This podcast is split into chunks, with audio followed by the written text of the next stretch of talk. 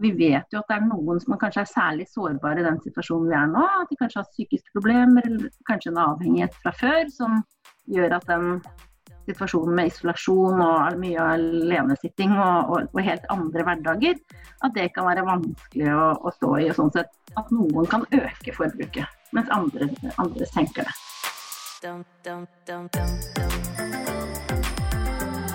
Du lytter til La oss snakke om, podkasten om rus og rusmidlers plass i samfunnet vårt. Nysgjerrig på noe? Sjekk ut laossnakkeom.no. Velkommen til en litt annerledes episode av La oss snakke om. Mitt navn er Bjørn, og til vanlig ville jeg vært på farten for å intervjue ungdommer og forskere om rus og rusmidler, men i likhet med store deler av Norges befolkning tilbringer jeg nå dagene på hjemmekontor. Vi er alle prega av koronasituasjonen. Dette er jo et eh, virus som eh, tar menneskeliv over hele kloden. Og eh, heldigvis så er det ikke så mange som har blitt smitta og dødd her i Norge, som i f.eks. Italia eller Spania og USA. Men koronaepidemien har jo fått store konsekvenser for hvordan vi lever. Vi både lever i en rar tid, som mange sier, og vi lever rart. Eh, vi går ikke på skolen, vi går ikke på jobb. De fleste har hjemmeundervisning og hjemmekontor. Eh, konserter er avlyst, fotballtrening er avlyst, frisøren er stengt, eh, utestedet er stengt. Vi kan ikke treffes mer enn fem omganger, og til og med da så må vi holde oss på avstand fra hverandre. Og selv om dette er nødvendig for å holde pandemien i sjakk, så vet vi at eh, det fører til at mange føler seg isolert. De føler seg ensomme, noen blir deprimert. og så vet vi jo at eh, når folk har det tøft, så er det en fare for at de tyr til rusmidler. Samtidig så er jo mange av de stedene som selger f.eks. alkohol, stengt, og er litt nysgjerrig på hva hele denne koronasituasjonen gjør med rusvanene våre. Derfor tenkte jeg at jeg skulle ta et lite digitalt møte over Zoom med Pernille Husby i Aktis, for å høre med henne hva hun, som jobber med rus og ruspolitikk til vanlig, tenker om situasjonen vi er oppe i. Så nå skal jeg sette meg ned ved Mac-en min og se om jeg kan få tak i Pernille.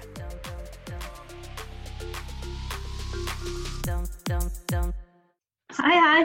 Det ser ut som om du sitter på, på hjemmekontor i dag. Stemmer. Det er hjemmekontor hele veien nå. Ja. Hvordan, hvordan er din koronadag? Eh, min koronadag den, er, den starter med litt frokost med familien. Eh, og så har vi hjemmeskole. da. Jeg har to barn. Eh, en på åtte og en på elleve. Så de er fremdeles hjemme. Åtteåringen skal starte på skolen til uka. Så da har vi sånn oppstart klokka kvart på ni. Så da er vi i grunnen gang med både hjemmekontor og hjemmeskole. Men hvordan er det for deg å sitte hjemme når du skal jobbe med eh, ruspolitikk og forebygging og alle disse tingene her? Det er ikke så lett å gjøre det fra sofakroken? Jeg må si at det har vært en uh, litt krevende periode. Fordi uh, mye av det vi gjør er jo å gå i møter med politikere. Og akkurat nå er jo politikerne opptatt av å løse den situasjonen de står oppe i. Eller vi alle står oppi. Uh, så det har vært en, en, del av de tingene vi ellers ville ha gjort, som, ha, som, har gått ut. Og så har vi hatt andre oppgaver, egentlig. Vi, vi er jo også en organisasjon som jobber for rammevilkårene for frivilligheten at de som driver organisasjoner skal ha mulighet til å gjøre en god innsats. Nå er det jo mange organisasjoner som har måttet gjøre helt andre ting og kanskje utvida tilbudet sitt. Eh, så vi har vært involvert litt i det og trykka på for at vi får gode støtteordninger, sånn at frivilligheten kommer gjennom eh, denne perioden på en god måte. Er det, er det viktige ting du sitter og føler at dette er det litt krise at vi ikke får gjort akkurat nå? Jeg må si Aktis har en kongress hvert annet år. Det skulle vi hatt til eh, kommende helg. Og det er liksom en høytidsstund for oss, for da møter vi alle organisasjonene våre. Vi snakker om politikken vi skal ha framover, og vi blir kjent. og eh, ja, Vi får mange innspill fra medlemmene våre som er viktige for oss. og Det har vi bare måttet avlyse og utsette, som vi skal prøve i september. og Så vet vi jo ikke ennå om det er lov å ha 100 stykker i en sal i september. Ehm, så nå ser vi også på digitale løsninger. Men det er jo en utvikling det også. Vi, må, vi får lært oss en del nye ting, og kanskje vi løser ting på bedre måter også framover. Ja. Dere driver jo med veldig mye forskjellig i Aktiv. Aktis. Og nå er jo jeg selvfølgelig veldig nysgjerrig på særlig det som går på alkohol og på rus og sånne ting. Eh, har du noe inntrykk av hva denne koronasituasjonen gjør med våre rus- og drikkevaner? Det er litt vanskelig å si helt klart hva det gjør. Ehm, det kom jo en del salgstall eh, fra Vinmonopolet f.eks. med en gang, altså de første ukene eh, etter at man stengte ned eh, vanlig aktivitet i Norge. Da gikk jo salgstallene veldig mye opp. De første dagene så var det jo liksom hamstringstilstander. Men når vi har sett litt over lengre tid, så ser det ut til at de salgstallene på alkohol egentlig ikke sier at vi har økt forbruket vårt. Eh, det som er forskjellen, er jo at taxfree får ikke solgt noe, og, og grensehandelen har gått sterkt ned siden det er begrensning på hvor mye vi kan reise. Eh, derfor er det jo Vinmonopolet og norske butikker som egentlig tar unna alkoholsalget. Eh, men de tallene ser jo ut til å tyde på at vi ikke har økt forbruket vårt. Men det vi hører, og som også Verdens helseorganisasjon er opptatt av, er jo at ikke det skal være noe Altså at ikke, salg, altså at ikke forbruket skyver seg mellom grupper. Um, vi vet jo at det er noen som kanskje er særlig sårbare i den situasjonen vi er nå. At de kanskje har psykiske problemer eller kanskje en avhengighet fra før som gjør at den situasjonen med isolasjon og mye alenesitting og, og, og, helt andre hverdager, at det kan være vanskelig å, å stå i. og sånn sett at noen kan øke forbruket, mens andre, andre senker det. Hvorfor er det sånn at den isolasjonen gjør at man skulle ha noe behov for å drikke mer? Jeg ville jo egentlig tenkt at det var motsatt. Når eh, restauranter og utesteder stenger, da er det liksom litt mindre attraktivt. Mm. Det er nok eh, sånn for veldig mange at de senker forbruket sitt. Fordi mye av den alkoholinntaket vi folk gjør, er jo i sosiale sammenhenger. Kanskje for å sånn ute, ta en utepils eller møtes i eh, middager og den type ting. Som det er mindre av. Eh, men så er det de som kanskje velger å, å bruke alkohol som en trøst. Og tenke at er, nå er det litt vondt og vanskelig. Det er jo kanskje da man helst ikke skal drikke alkohol. At Liksom, fordi alkohol fungerer som, som en slags sånn forstørrelsesglass på alle følelser. Eh, og det å sitte inne, være isolert, føle seg trist, er, da kan på en måte problemene forsterkes gjennom den alkoholbruken. Det samme eh, Verdens helseorganisasjon har oppfordra europeiske land til å begrense tilgangen på alkohol nå. Og det, det, En av grunnene de har, er jo at det å sitte tett sammen, være i familie. Eh, kanskje at det er litt sånn gnisninger. Noen eh, familier er jo ikke like harmoniske hele tiden. Og det å fylle på med alkohol når man er irritert og sint, er i hvert fall eh, noe som kan gjøre ting enda vanskeligere i sårbare familier. Og Der er jo akkurat den frykten for at vi får mer vold i familien f.eks. Og vold og overgrep. Fordi man mister liksom taket på ja, mister litt kontrollen på seg selv da, med alkoholen. Eh, så det tenker jeg er en viktig eh, bekymring som norske myndigheter må ta på alvor. Da. Du var ute i uh, verdidebatt.no. Der hadde du et innlegg der du kom med noen tips til hva man kan, kan gjøre hvis man sitter hjemme der og føler seg isolert og har et trang til å, å drikke. Ja, jeg, vi, skrev, vi, har kommet med flere innlegg, og det er liksom litt av muligheten vi har nå i den situasjonen. er jo å, å gi noen råd om andre ting å gjøre, eller andre ting å tenke på, andre aktiviteter. Altså, tror jeg nok Jeg merker det litt i hvert fall min omgangskrets nå, at fra den første tiden så var vi liksom så voldsomt Da skulle vi være så veldig mye hele tiden hjemme. Eh, nå opplever vi at eh, flere har begynt å gjøre noe sosiale aktiviteter, selv om vi gjør det på andre måter enn før. Eh, så, men mitt råd har i hvert fall vært å eh, søke hjelp. Det finnes fremdeles mulighet for å oppsøke psykologer, selv om man ikke møter direkte den som skal behandle deg. Men at både leger og fast, altså fastleger og psykologtjenestene har jo muligheter for å, for å hjelpe deg hvis man føler at man har et problem. Um, men det finnes jo også mange sosiale aktiviteter man kan gjøre for å ta ideen bort fra hodet om at det er drikking som er veien. Da. Det å, det å oppsøke sosiale fellesskap på andre måter er viktig. Har du noen tanke om uh, ungdom og rusbruk? Dette er tross alt en podkast for, uh, for, ungdom.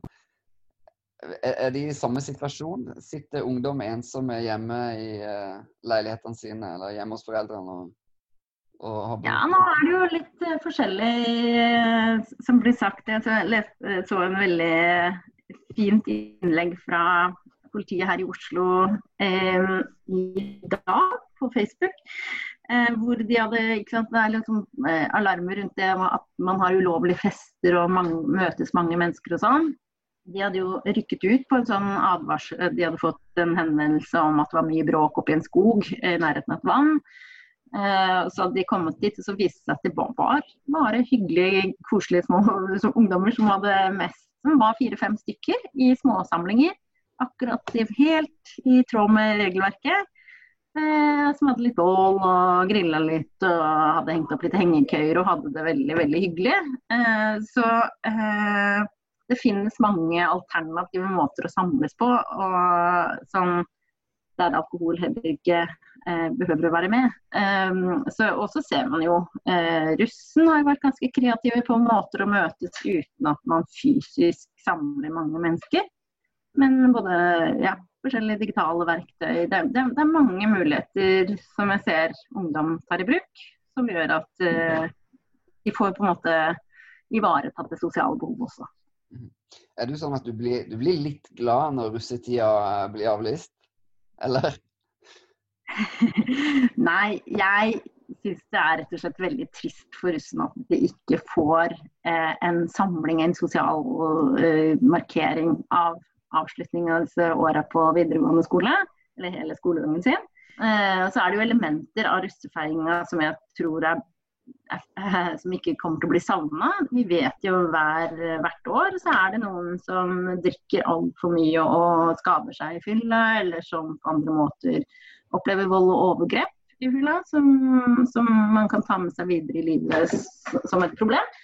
Um, så det, Den delen kan vi kanskje ha mindre av, og det får vi ta som den ene positive delen. Uh, så håper jeg likevel at russen får til å ha noe sosial samvær nå i denne tida som, som kommer, for å, for å, avslutte gode vennskap og bygge videre på, på noe også. fordi de skal jo videre i livet med gode minner fra videregående.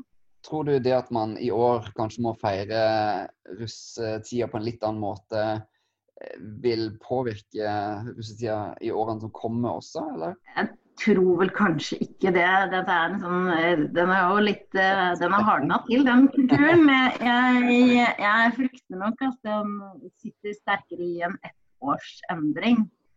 Ehm, men jeg håper jo at eh, den, det kullet som i hvert fall har opplevd denne situasjonen, at de likevel eh, kanskje, kanskje, de finner ut at det å være 1000 mennesker på et russetreff ikke nødvendigvis er lykken overalt, men at det kanskje er de eh, samlingene med de gode vennene som er det som sitter igjen. Og det, hvis jeg tenker på, tilbake på min russ, egen russetid, som nå begynner å bli veldig lenge siden, så var jeg med på også store russetreff. Men det var jo med de som jeg gikk i klasse med og de som jeg hadde som gode venner, at de beste minnene ble skapt. Så det, den muligheten har jo årets russekull. Og om det kan smitte litt videre til neste års russekull, så tror jeg det bare er bra. Mm. Denne koronasituasjonen er jo veldig spesiell for alle. Og endre måten vi eh, er sammen på, endre måten vi oppfører oss på. Og i forhold til rus og rusmidler og drikking, er det ting som har overraska deg? Um, jeg må jo si at uh, bare basert på min egen sosiale omgangskrets, så, uh, så syns jeg det var uh, det, det, der, Akkurat da, da, da, samfunnet skulle stenge ned, så var det merkelig mange som var veldig bekymra for om Vinmonopolet skulle stenge eller ikke. Og det tenker jeg er sånn Ja kanskje det også hadde vært en erfaring. Da, at, vi, at, hadde, at, at, at, flere mennesker får oppleve hvordan det er å ikke drikke. Eh, hadde jo kanskje vært en åpenbaring for noen også å oppleve hvordan, eh, ja, hva slags helseeffekter det å ikke drikke kan gi, f.eks. Eh, men sånn er det jo ikke blitt. Så nå er det jo på en måte en normalsituasjon, bare at vi har det litt mindre sosialt og litt mindre sosiale sammenhenger.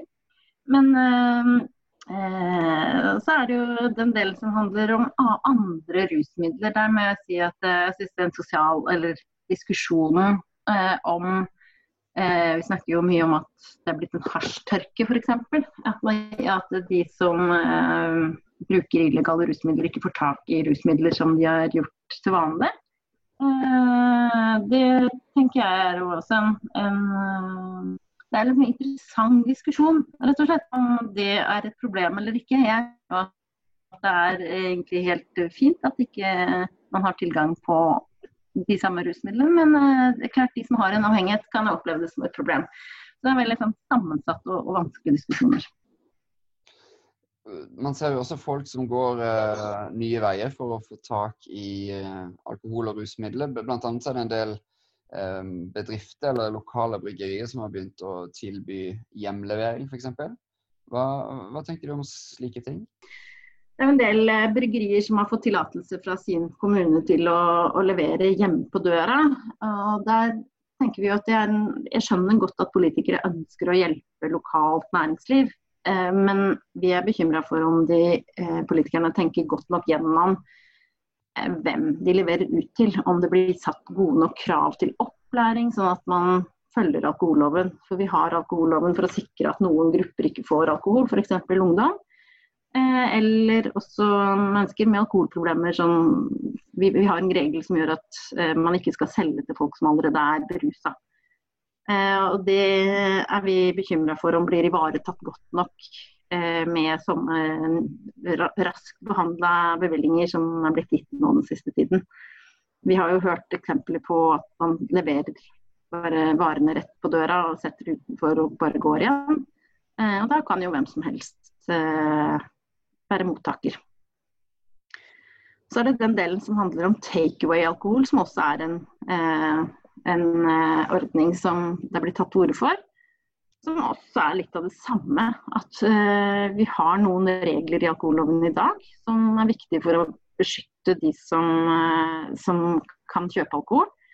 Uh, og når vi da plutselig kaster rundt med nye bevilgninger og, og nye ordninger, så, så, er vi usikre på om, om det blir godt nok ivaretatt de hensynene som alkoholloven sier at skal tas.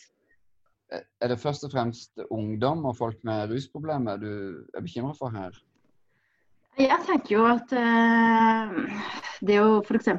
sette en, uh, en kasse øl på døra eh, hos noen, kan For det første kan jo selvfølgelig ungdom ha bestilt, og sånn sett få lett tilgang på alkohol.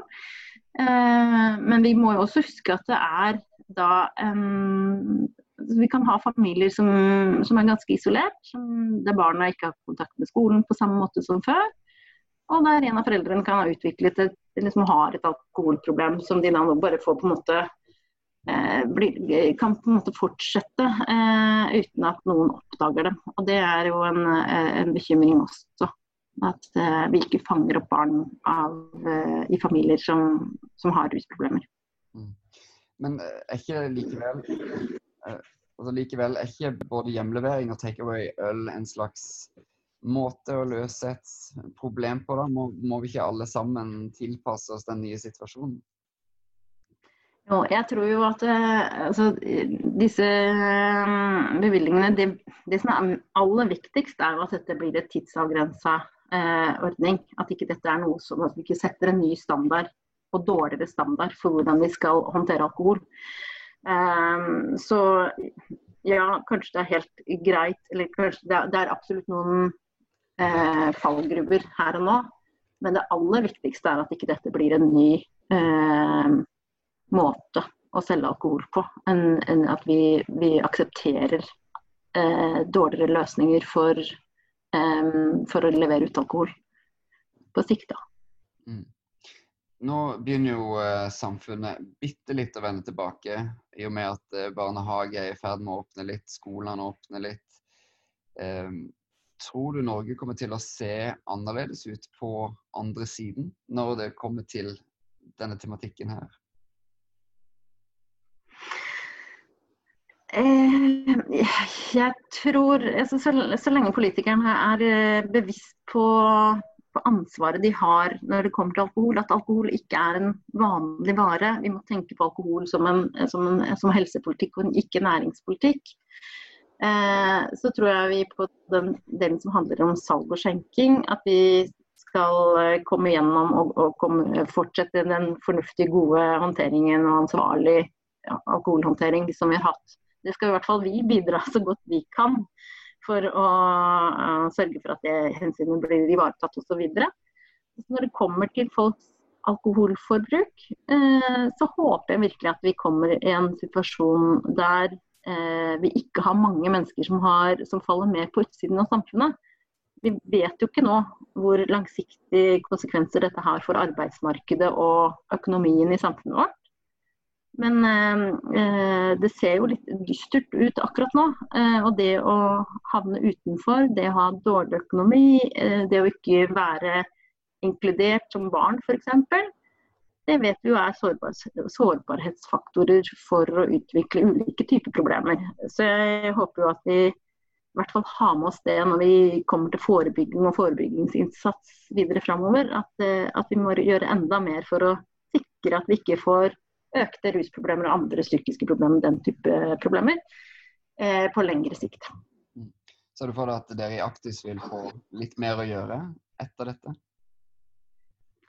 Eh, jeg håper ikke det, vil jeg si. Nei, jeg, jeg tror vi har mye å gjøre eh, både på reguleringssiden og på holdningssiden også. Det å, det å huske, huske, rusproblematikk og huske eh, ha eh, hjelpeapparatet på plass. Det er, det er, nok noe vi må være pådrivere for også framover.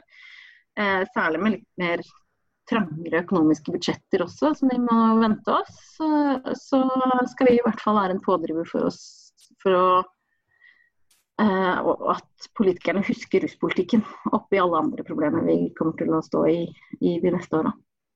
Hva er det du ser frem til å gjøre når denne situasjonen er over? Jeg gleder meg skikkelig først til å møte folk på kontoret og sitte rundt et vanlig møtebord og diskutere ting igjen. Eh, for det er hyggelig med Skype og Zoom og Teams og alt det der. Eh, men det er utrolig mye hyggeligere å møtes eh, direkte. Og så gleder jeg meg til å kunne ha vanlig bare helt vanlig liv igjen, og, ikke, og, og gi en klem. Er, jeg er en klemmer, og jeg vil veldig gjerne gi noen en klem igjen. Så om det blir i år eller neste år, det får vi få se. Men uh, på sikt så satser jeg på en klem.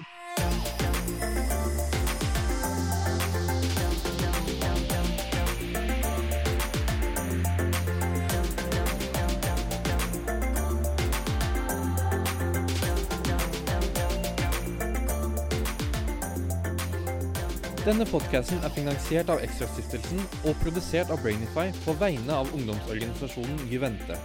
Vil du vite mer om vårt arbeid for å skape en verden basert på menneskeverd og solidaritet, der rusmidler ikke skaper problemer, besøk oss på juvente.no.